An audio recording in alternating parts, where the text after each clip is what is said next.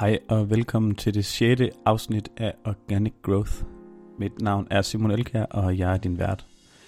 Dette afsnit er i SEO Basics-serien og skal handle om, hvad er link building?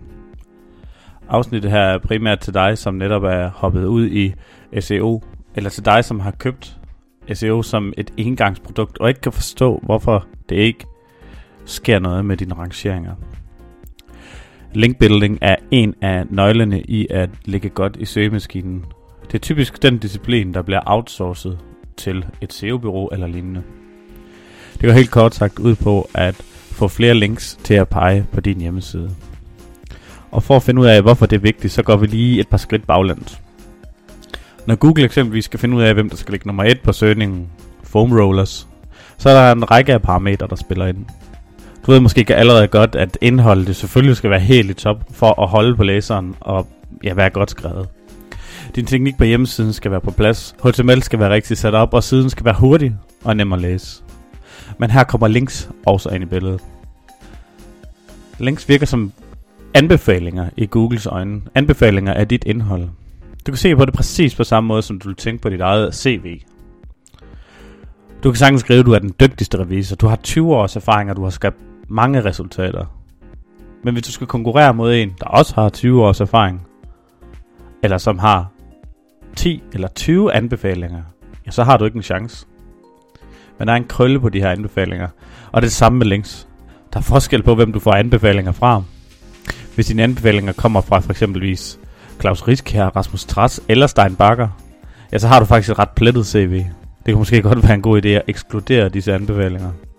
Men har du derimod en anbefaling fra Lars Larsen, Jysk, Kjeld Kjær Christiansen fra Lego eller fra Martin Thorborg, ja, så kan det godt være, at dine konkurrenter har 30 eller 50 anbefalinger, men bare én anbefaling fra en meget anerkendt kilde, altså en anerkendt hjemmeside, det kan nemt slå 25 anbefalinger fra ukendte kilder.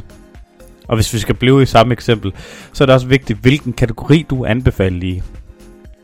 Det er ikke noget, at hvis du gerne vil have job som plastmager, alle dine anbefalinger siger, at du er en rigtig dygtig bager. Det fortæller måske, at du er en dygtig ansat, men ikke noget om dine evner. Det er lidt det samme igen med links. Hvis du gerne vil være nummer et i cykelbranchen, så netter det ikke noget, at alle de links kommer fra finans- eller landbrugshjemmesider. Og så kan vi komme tilbage til emnet. Hvad er linkbuilding? Jamen det går i og for sig ud på at arbejde med at skaffe anbefalinger. Altså at skaffe links fra hjemmesider.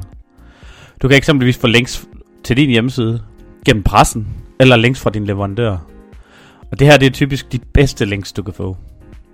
Men du kan også starte lidt mindre. Måske er der andre i dit netværk, du kender godt nok til at kunne få et link fra.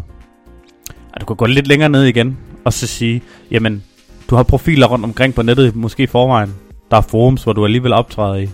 Her kan du typisk også få et link.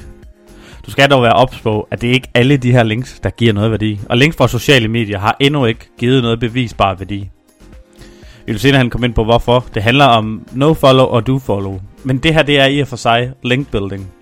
Altså det er en disciplin, der handler om at skabe anbefalinger og henvisninger til din hjemmeside via links. Det var alt for i dag.